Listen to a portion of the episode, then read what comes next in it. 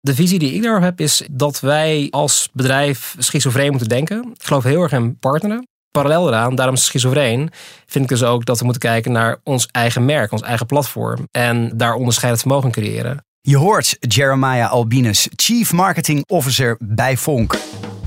Dit is CMO Talk, de maandelijkse podcastserie met de meest interessante CMO's. Geleid door Klaas Wijma.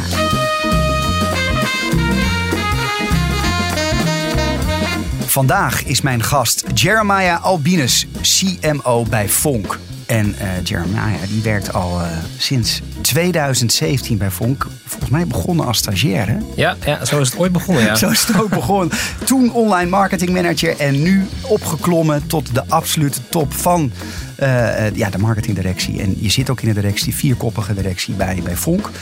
Uh, ja, en we kennen uh, Vonk als webwinkel in 2005 begonnen. Drie keer verkozen tot de beste webshop in wonen. En ja, inmiddels heeft Vonk ook internationale stappen gezet naar België, Duitsland. Maar het merendeel van, van de omzet komt nog uit Nederland. Ja, en die wereld van online retailers is natuurlijk continu in beweging. Consumenten shoppen steeds vaker online. Maar hoe bind je nou die online kopers aan jouw merk? En daar wilde ik het vandaag met Jeremiah over gaan hebben. Over klantbinding van een online platform. CMO Talk wordt aangeboden door Adobe en Accenture Interactive en is ontwikkeld door Energize en Voicebooking.com. Nou, Jeremiah, uh, van harte welkom. En allereerst wat leuk, want jij bent fan van CMO Talk, begreep ik. Uh, klopt. Ik volg het al, ik denk, klein jaar. En uh, toen ik ben begonnen met luisteren, heb ik ook alles teruggeluisterd. Dus uh, ja, ik ben inderdaad wel een van de fans die het uh, downloadt als er een nieuwe episode is. Wat goed zeg, wat leuk. En ehm, is er nog een interview die jou echt bijstaat? Waarvan je zegt, hey, dat heeft me tot nieuwe inzichten doen komen? Nou, ik, uh, ik vond het interview met Marktplaats, vond ik echt, die vond ik het meest interessant, denk ik wel, qua mindset. Uh, heel erg daadriven, heel erg denken vanuit uh, hoe kunnen we nou vanuit bepaalde klantsegmenten en vanuit uh, hypotheses eigenlijk de marketing aansturen. Ja. Dat sprak me heel erg aan. Ja, als een online retailer kan je dat wel bekoren, kan ik me voorstellen. Um, ja, de markt van e-commerce, daar wil ik het graag met jou over hebben. Want het blijft maar groeien. Hè. Double digit growth, dat moet ook. Want anders doe je niet mee in die, in die markt. Maar ook de concurrentie neemt toe. En het wordt ook steeds lastiger volgens mij om klanten te binden aan jouw platform. Want de keuze is reuze. Hè. Dus elke winkel is met één klik verderop te vinden. Um, ja, ik, ik wilde dus graag met jou hebben over hoe je nou klanten aan je bindt. En ja, volgens e-mers, dat las ik onlangs, komt zeer binnenkort, ja, het gaat er echt van komen. Amazon die komt naar alle roddels luisterend februari naar Nederland. Is dat niet de doodsteek voor Vonk? Um, nou, een doodsteek zou ik niet noemen. Wel een wake-up call. Uh, een wake-up call die we gelukkig vroeg genoeg gehoord hebben. Hmm. Want we zijn anderhalf jaar geleden begonnen met het wijzigen van onze strategie. Uh, we hebben onze propositie aangepast, uh, zowel een belofte als bewijsvoering. Meer focus op, uh, op specialisme. specialisme voor alles in en om het huis met de producten die wij verkopen. Dat heeft effect gehad op rationalisatie van het sortiment, mm -hmm. op de communicatie. Um, waarbij we er wel klaar voor zijn. Dus ik denk dat Amazon voor ons niet zozeer een bedreiging is. Ik denk eerder incentive om nog sneller onderscheidend vermogen toe te voegen. Um, maar dat het iets gaat zijn voor de Nederlandse retail. Ja. Uh, een aardverschuiving heb ik al vaak gehoord. Ja. Dat is een feit. Want het is toch echt zo'n mega mammoet. Zo'n mega reus met oneindige... Ik weet niet hoeveel cash je op de bank hebben staan. Maar het is in ieder geval heel erg veel. Uh, ja. ja. dat gaat... Want wat, verwacht je niet een grote shake-out in die, uh, in die markt van online retailers? Ja, dat verwacht ik. Kijk, de, de belofte dat e-commerce de toekomst is, uh, is bij een, nou ja, ik denk een grote groep financierders ook wel geland dat dat niet helemaal uitkomt. Hmm. Uh, dat betekent dat uh, veel online retailers bezig zijn om eigenlijk richting zwarte cijfers toe te, toe te, toe te groeien. zowel in consolideren van groei als het inrichten van de organisatie op een manier die voldoende schaalbaar is. Maar ja, dat gaat niet iedereen lukken. En uh, op het moment dat Amazon hier gaat komen uh, in combinatie met nou ja, de dance-off die ze met Bol gaan doen, dat gaat effect hebben op de marges. Ja. Dat gaat effect hebben op uh, leveranciers die nog meer direct consumer gaan leveren via de platformen. Uh, het gaat effect hebben op uh, de zichtbaarheid. Want, ja, want over die marges gesproken, er wordt al niet heel erg veel geld verdiend in e-commerce, wat ik heb begrepen. Dus nee. Amazon.com, nou, die, de, volgens mij het meest winstgevende onderdeel is hun cloud business. En ja, dat zijn de helft van hun inkomsten schijnt daar vandaan te komen. Ja, ja en, en ik weet niet, bol.com maakt inmiddels, nou ja, volgens mij net winst of net niet. Het is een beetje schimmig. En, en Vonk heeft winst gemaakt, maar nu nou, nu zijn we er weer bijna. Bijna, ja. Maar moet nagaan, het is dus één grote strijd om natuurlijk die, die, die klanten aan je, aan je winkel uh, te binden. Maar überhaupt ook om, om ze naar je winkel te krijgen. Ja. En dan toch zo'n zo'n grote reus die, die oneindige eh, zak heeft, gewoon heel veel kapitaal heeft. Dat gaat enorme impact hebben. Uh, ik noem het al, dus, dus klantloyaliteit. Uh Zorgen dat ja, mensen die bij jullie hebben gekocht. Nou, ik heb ook wel een aantal uh, dingen via Vonk uh, gekocht. Al, uh, nou, ik ken het al lange tijd. Ik vind het, een, ik vind het persoonlijk een hele fijne online winkel. Maar hoe zorg je er nou voor dat mensen die bij jullie hebben gekocht ook blijven komen? Um, nou, het zijn denk ik een paar dingen waar we, waar we op koersen. Um, het eerste wat denk ik belangrijk is, is dat we focussen op de klantreis. Dus als mensen in de winkel zijn, dan willen we ervoor zorgen dat uh, met de verwachtingen die, waarmee ze naar binnen zijn gegaan, volgens een, in een bepaalde productgroep, pak als voorbeeld stoelen, ja. uh, dat de klantreis klopt, dat het juiste sortiment hebben, dat we een relevant aanbod doen, dat de prijs klopt, de beschikbaarheid klopt, de voorraad klopt. Uh, tegelijkertijd uh, willen de klant ook helpen met een keus maken. Dus we bieden ook vaak keuzehulp in het, in het koopproces. In het geval van stoelen hebben we ook een AR-app ontwikkeld. Ja. Uh, omdat we wisten dat het formaat van de stoel en de kwaliteit van de stof niet altijd goed visueel wordt weergegeven vanuit productcontent, vanuit foto's. Ja. Dus via een AR-app hebben we dat eigenlijk uh, nou, gemodelleerd. En dan dus, kan je die uh, stoel als het ware in je eigen woonkamer ja, projecteren. Kan je, dan kan je hem in je huis zetten met je telefoon. Ja. Um, en dan kan je het ook het juiste formatie met de tafel die je dan hebt, zodat je kan kijken, past het bij mijn nou ja, is dat voor alle producten van Volk of alleen voor, nee, voor stoelen? We zijn begonnen met stoelen. We zijn nu aan het kijken of we dat gaan uitbouwen naar andere productgroepen. Ja. Uh, voor stoelen was het het meest relevant. Ja. Uh, zowel qua type product, maar ook omdat daar nou ja, voldoende marge is eigenlijk om die investering te maken. En wordt het een beetje gebruikt, die app? Ja, 10% van de klantreizen gebruikt het. En okay. koopt er ook aan, aan de hand van het gebruik. Ja. Dus het wordt zeker gebruikt. Uh, maar ja, het moet wel, het kan alleen maar uit in productgroepen die ook voldoende groot zijn voor ons. En waar we ook dit echt relevant kunnen maken. Ja. Want bij pannen, bij wijze van spreken, die we ook uh, verkopen, is het minder relevant. Ja, wat je eigenlijk zegt, hè, om, om uh, klanten te binden, is, zijn heel veel aspecten in die klantreis relevant. Ja. Dus uh, überhaupt voor je, voor je mensen zover krijgt om ook daadwerkelijk op die koopknop te ja, drukken, ja. moet, er, moet je gewoon de basis op orde hebben. En um, ja, dat wordt ook wel, en die, die laatste stap in die klantreis wordt ook wel de last mile genoemd. Hè? Dat is heel mooi gevisualiseerd van een reis. En dan die laatste mijl nakopen.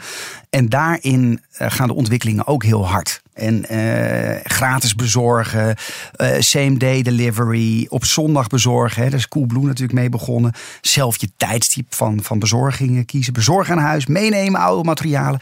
Kan Vonk daar wel in mee, in al die last mile ontwikkelingen? Zeker. Um, maar ook daar maken we weer duidelijke keuzes. Dus we hebben uh, een samenwerking met uh, PostNL. Ja. Een extra home dienst waarin we een meubelservice zijn gestart. Dus ook recent uh, opgezet.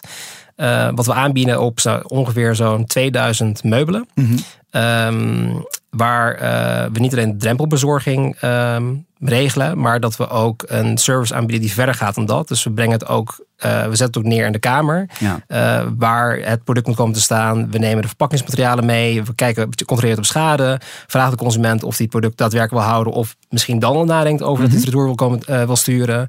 Dus dat is een stap die we zetten, omdat we ook zien dat dat onderscheidend vermogen is. En ook uiteindelijk helpt om de consument online te laten kopen. Ja. Want onze grootste concurrent is niet per se Amazon of Bol. Het is uiteindelijk de offline retail, ja, waar steeds 90% van de, de verkoop plaatsvinden. En waar de, de woonboulevards. De woonboulevards. Ja. En waar de klantreis in onze uh, optiek nog steeds stuk is. Ja, Want, waarom, waarom vind je dat? Waarom is die daar stuk? Nou, omdat als je mensen vraagt... Uh, als ze bezig zijn met een interieur of ze hebben een koophuis gekocht, uh, waar ze zich aan storen of wat ze ingewikkeld vinden, dan is het eigenlijk de keuze om tot een interieur te komen. Dus mm.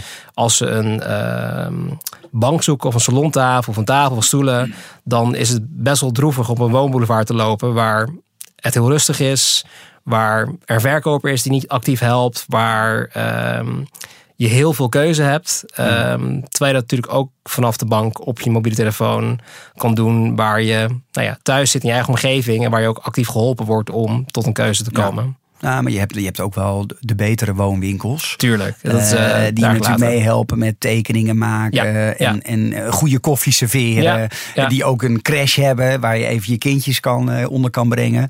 Ehm, maar je, je hebt het dan met name over het middensegment woonboulevard. Ja, ja, ja. Is er überhaupt nog toekomst voor de fysieke woonboulevard? Zeker. Nee, ik geloof juist heel erg in, eh in omnichannel. Ehm, ik denk ook dat dat nog steeds een toegevoegde waarde kan zijn in de toekomst. Zeker met eh, ehm, de platformisering, waarbij de online winkels meer vanuit convenience en vanuit aandacht gaan werken. En de ehm omnichannel retailers wat meer vanuit specialiteit, maar ook vanuit voorraad en inspiratie in de winkel. Dus ik geloof echt wel dat daar dan een toekomst voor is. Alleen, ehm, ja, net zoals een shakeout gaat komen in de online winkels, denk ik dat de shakeout voor de fysieke retail net zo is. Ja. Dus ook daar gaat er nog wel een en ander gebeuren voordat eh, nou ja, de retailmarkt in balans is gekomen, om zo maar te zeggen. Hebben jullie plannen ook om eh, fysieke winkels te openen? Die plannen hebben eigenlijk altijd wel op de plank gelegen. Ja. Maar het is een kwestie van keuzes en prioriteiten. Ja. Even terug naar die terugkerende klanten. Ja. Want eh, kan je, kan je wat cijfer, kan je ons meenemen? Hoeveel klanten hebben jullie? Hoeveel procent eh, komt herhaaldelijk bij jullie, et cetera? Ja, nou ongeveer de helft van de omzet komt uit terugkerende klanten. Dus, En wat is jullie omzet? Nou, we gaan dit jaar eh, verwachten we de 100 miljoen passeren. Zo. Dus eh, dat is, is een best wel een fors aandeel komt Ja. uit, eh, uit klanten die terugkomen. Ehm, daar is, nou, van, die, van die groep is denk ik twee derde is actieve klant. Mhm. Dat zijn mensen die minimaal twee keer per jaar wat kopen. Een derde zijn klanten die we weer heractiveren na een jaar tijd. Sowieso zo'n klantdefinitie is, als je in de afgelopen twee jaar iets gekocht hebt, ben je, Ben je een klant. klant, ja. Ehm, nou, dat is qua omzet. En, eh, En hoeveel klanten zei je dat jullie hebben nu? nou, ongeveer. In die definitie? In die definitie zijn het ongeveer een miljoen. Zo, Iets meer ja. dan een miljoen. Ja. Ja. Waarvan. eh, Dus gemiddelde aankoopbedrag kan je dan ook zo een beetje terugrekenen. Zo'n ja, 100 euro. ja en, en sommige klanten kopen natuurlijk één keer en andere Ja. klanten kopen tien keer. Dus daar heb je natuurlijk ook een, een longtail in zitten. Ja. Ehm, ja, en hoe wij daarop sturen is, eh nou, nogmaals, het is tweeledig. Enerzijds heel erg vanuit de klantreis. We kijken heel erg naar eh, hoe kunnen we zorgen dat we ehm, ons NPS verhogen, eh, de conversie zo hoog mogelijk is. Ehm, en de klant uiteindelijk ook nog wat meegeven in het pakketje. Want wij geven ook een magazine mee. waarin we onze eigen content maken. Ja. Daar staan nieuwe interieurideeën in, producttrends, ehm, tips voor in je huis. Ja. Ehm, En wordt dat, ge- wordt dat gelezen, die eh, ja, magazine? Ja, ja, Ja? ja. 70% leest het. Eh, want we doen er ook een jaarlijks onderzoek naar. Om te kijken of dat nog steeds een, nou, een viable model is eigenlijk. Maar 70% leest het. eh 40% eh, gaat ervan naar de site, naar de shop toe. En eh 30% koopt ook wat. Dus dat zijn aantallen waar wij nog steeds eigenlijk Ja. magazine blijven produceren. Dus het is voor ons ook een retentieprogramma eigenlijk. Eh, gecombineerd met ehm, nou ja, een klantcontactstrategie vanuit e-mailmarketing. Dat is eigenlijk nog steeds wel het belangrijkste Nou, e-mail is back, hè? E-mail is weer Ja. helemaal hip en, eh, en happening. Ja, ja. En, en eh, je triggert wel iets bij mij. Want je zegt van, nou, op het moment dat je dus een jaar niks hebt gekocht... dan gaat een algoritme lopen. In mijn hoofd dan. Het dan Een, een winback-programma. Een, een winback-programma. Ja. en, eh, en wat krijg je dan? Wat krijgt die klant dan? Hoe, hoe trek je hem dan weer over de streep om naar jullie te komen? Nou, de- de- de- het is, het is een, eh, een heel bazaal systeem. Want uiteindelijk geven we dan korting op het moment dat een eh, klant lange tijd niet gekocht heeft. Een tientje, een 20 euro? Nou, dat doen we in verschillende stappen. Dus hoe langer je niet gekocht hebt, hoe hoger de korting wordt. Ah. Ehm, Dus op- jongens, even die luisteren. Even niet kopen een jaar bij Vonk. ja, nou, er, er zitten wel een paar, een paar voorwaarden aan. Oké. Want ehm, wij segmenteren ook ehm, aan de hand van wat je gekocht hebt. Ja. Ehm, maar dat is een ander onderdeel van hoe wij kijken naar klantloyaliteit. Ehm klantreis is voor ons een startpunt. En, en daarin is de productgroep eigenlijk het startpunt. En wij weten, en dat is ook een van de redenen geweest waarom we onze strategie nou ja, wat meer getweakt hebben. Dat de kans op een teruggekeerde klant bij bepaalde productgroepen hoger is dan bij anderen. Voorbeeld, wij wisten op een gegeven moment dat als mensen iets binnen interieur kochten, dat de kans dat die persoon terugkwam ongeveer 30 tot 40 procent was.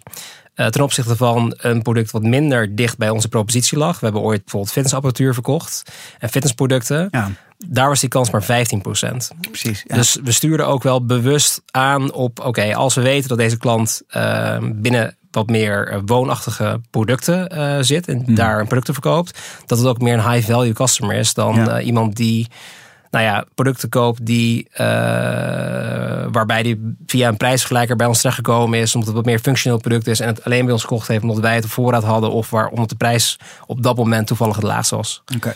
Dus we kijken ook daarnaar. Ja. In eh, CMO Talk voor de, voor de luisteraars, zoals jij ook weet, leggen we al onze gasten een, eh, een aantal stellingen voor. En, Ja. eh, ik heb er ook één voor jou voorbereid. Dankzij alle digitale tools is het creëren van klantloyaliteit een eitje.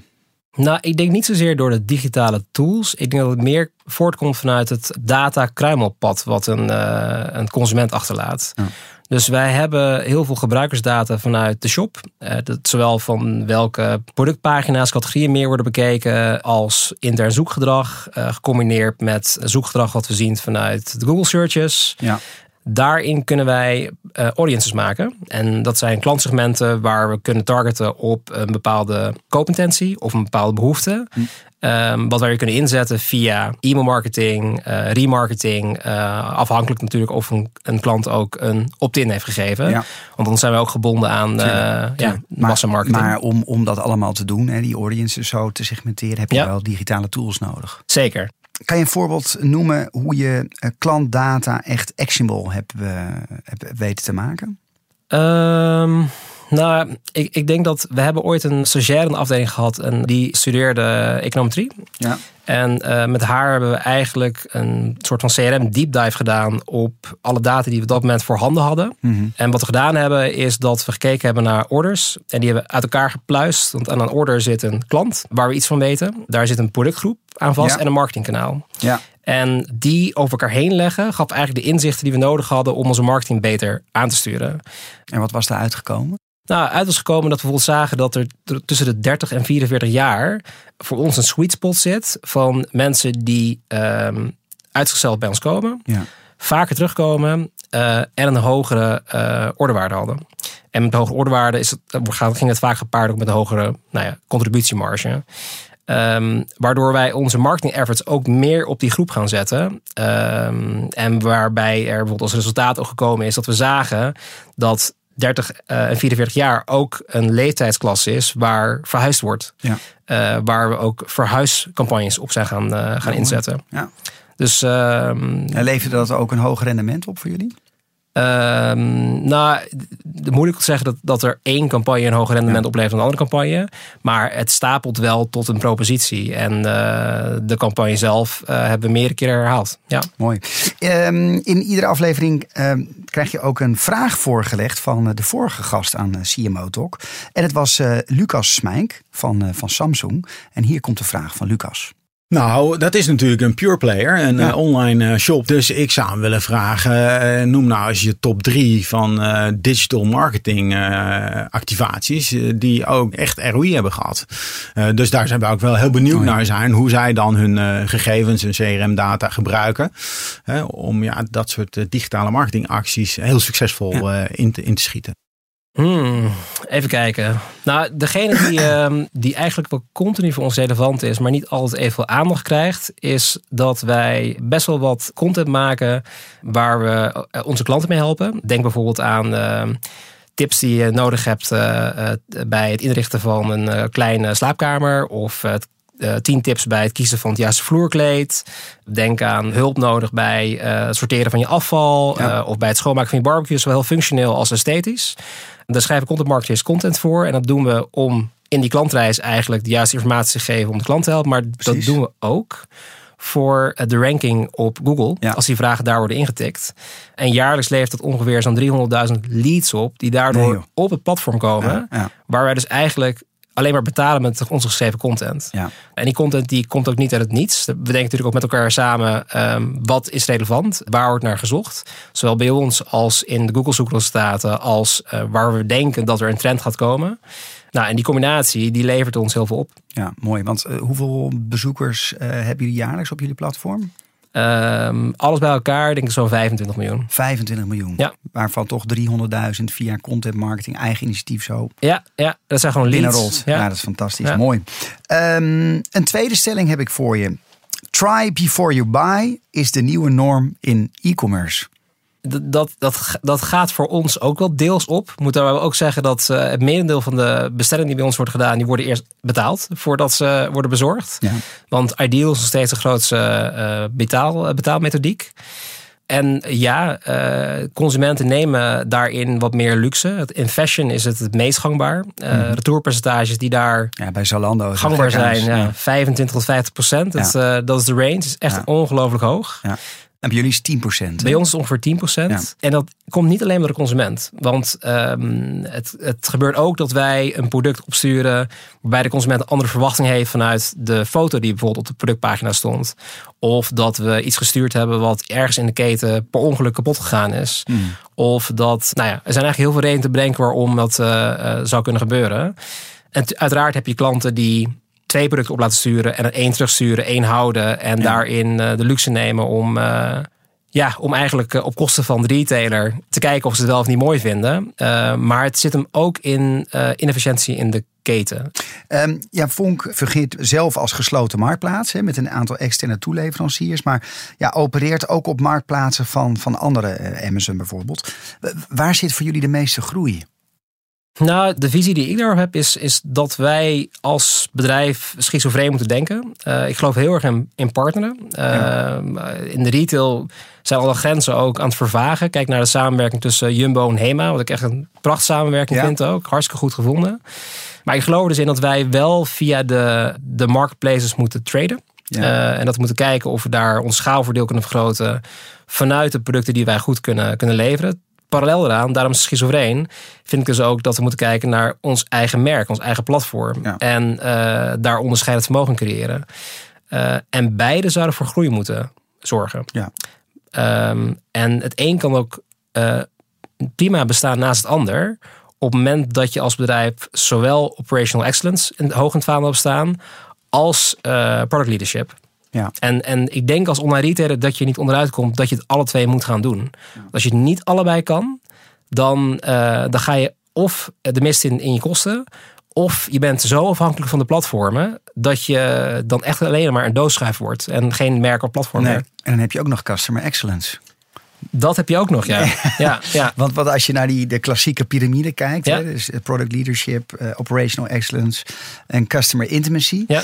Eh, welke, als je nou één mag kiezen, welke is het dan voor jou?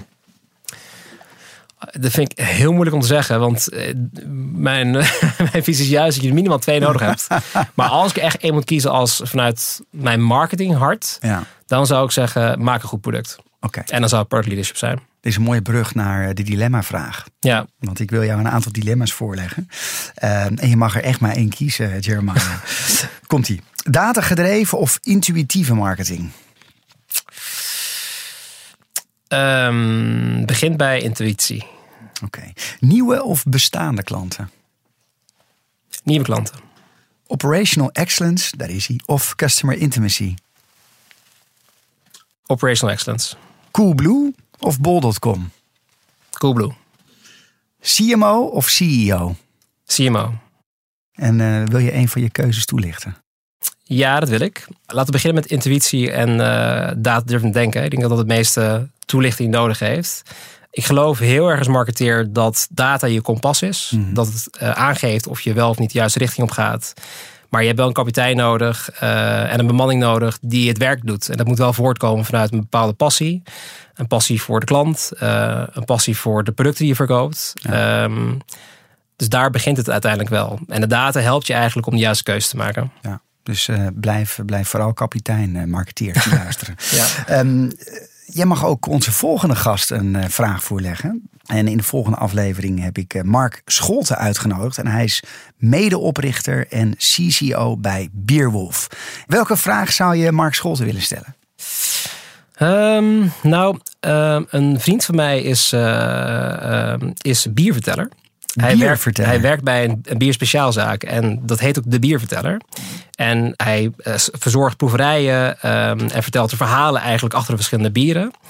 Mijn vraag die ik hem zou willen stellen, omdat ik zie dat Beerwolf het online ook probeert te doen. ehm, en volgens mij ook best wel succesvol. Ehm, welk verhaal, welk bierverhaal het meest succesvol vertel, verteld is door Beerwolf. Ehm, en eh, hoe dat dan onder de aandacht is gebracht. Mooi. Ik ga het hem stellen. Nou, jij luistert alle afleveringen, dus je, je krijgt het antwoord in de volgende aflevering te horen. Afsluiten, want we vliegen door de tijd heen. Wil ik je nog een aantal eh, persoonlijke vragen stellen? Want ja, ik gaf al aan in de introductie, je bent je carrière begonnen bij Vonk en zit er nog steeds. Wat zorgt voor die stickiness? Wat zorgt ervoor dat je blijft? Uh, wat ervoor zorgt dat, ik blijf, is met name de cultuur. Uh, in Vonk zit een hele sterke ondernemende spirit en DNA. Uh, de producten die je verkopen trekt ook de juiste mensen aan. Het zijn veel mensen die ook wel graag uh, mooie producten verkopen, uh, willen staan voor wat ze vermarkten. uiteindelijk ben je ook wat je verkoopt, ehm, wordt vaak gezegd. Um, maar de combinatie van een, een leuke energiecultuur van, uh, van ondernemende mensen, uh, dat is eigenlijk het belangrijkste. Mooi. Wat kent nou een, een, een CMO uit de generatie I? En volgens mij uh, behoor je tot die generatie, geboren tussen 1986 en 2000. Ben ik correct? Of zit ik in nog bijna, bijna, bijna, 83. 83, nou vooruit, smokkelen we een beetje. Want je bent vrij jong als CMO. Uh, ja, wat, wat, wat, wat vind jij of zou jij kenmerkend willen zien voor, voor deze generatie CMO's? Um, nou, ik denk dat we... Uh, dat we dicht bij de jonge mensen staan, de jonge marketeers net beginnen. Mm -hmm. En uh, de verwachtingen daarvan een werkgever zijn best hoog. Uh, er wordt toch gekeken naar de coole bedrijven zoals Google, een Booking, nou, een Coolblue ook hoort daartussen. Uh, als voorbeelden. Uh, en wat kan je dan als, als werkgever bieden? Uh, wat, wat kenmerkt mij dan ook dat ik die mensen mee kan nemen? Ik denk uh, uh, tussen de mensen blijven staan. dus echt ver weg blijven van uh, ivoren toren gedrag. Maar gewoon mm. met elkaar blijven werken. En voor elkaar blijven werken. het bieden van vertrouwen en autonomie. Ehm, dat is denk ik heel belangrijk. En hele transparante en directe feedback. Ja. Ik denk ook dat dat nodig is. Um, nou, en dit allemaal gepaard in sterke gedrevenheid, zowel uh, vanuit het werk als uh, ook uh, na vijf uur bij de borrels en aan de pingpongtafel, dat dat ook nog steeds heel belangrijk is. Mooi, mooi. Waar, waar haal jij je me meeste energie uit? Um, nou ja, dat is een mix. Ik haal energie uit, uit de tijdsgeest. Dus dat zijn boeken, films, culturele events. Ik vind het ongelooflijk leuk om toch een beetje met een bepaalde afstand de tijdsgeest observeren. Um, dus dat is enerzijds. Uh, dat is misschien voor mij meer als, uh, als persoon en ergens ook op privé. Als ik kijk naar werk, haal ik de energie heel erg uit mensen die uh, met enthousiasme, enthousiasme consumenteninzichten naar boven toveren, daar keuze op maken en vanuit nou ja, een bepaalde passie creëren. En wat zijn jouw energievreters? Uh, tegenovergestelde zou zijn uh, heel hiërarchisch denken. Uh, ik denk ook uh, alleen maar focus op korte termijn resultaat. Mm. als CMO moet je toch allebei doen. Korte, korte en lange termijn. als je alleen maar focust op korte termijn resultaat, kan je één jaar heel succesvol een CMO zijn, maar na drie jaar lig je eruit. Ja, dat zie je wel steeds vaker gebeuren, hè? Ja, ja, de, ja. volgens mij is de tijdspannen steeds korter ook ja. van een CMO die bij één bedrijf blijft. Ja. Um, ja, is dat ongeveer. Ja. Welk advies tot slot zou jij pure player marketeers die klanten willen binden, willen meegeven? Dan zou ik eigenlijk zeggen, uh, focus niet te veel op een CRM-programma. Uh, maar focus op de kwaliteit van je product. Uh, probeer daar ook te voorsorteren in welk type klanten je binnenhengelt. Um, en zorg ervoor dat je met z'n allen kiest voor, zeker in de retail, voor een aantal categorieën waar je echt goed in wil zijn.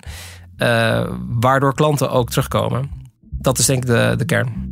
Dank voor het luisteren naar CMO Talk. En Jeremiah, veel dank voor je bijdrage aan CMO Talk. Nou, heb je nou een suggestie voor een nieuwe gast of een thema? Dan kan je het beste een reactie achterlaten via iTunes. En als je daar dan toch bent, laat dan even een paar sterren achter, het liefst vijf. Uh, en in de volgende CMO Talk ga ik in gesprek met Mark Scholten.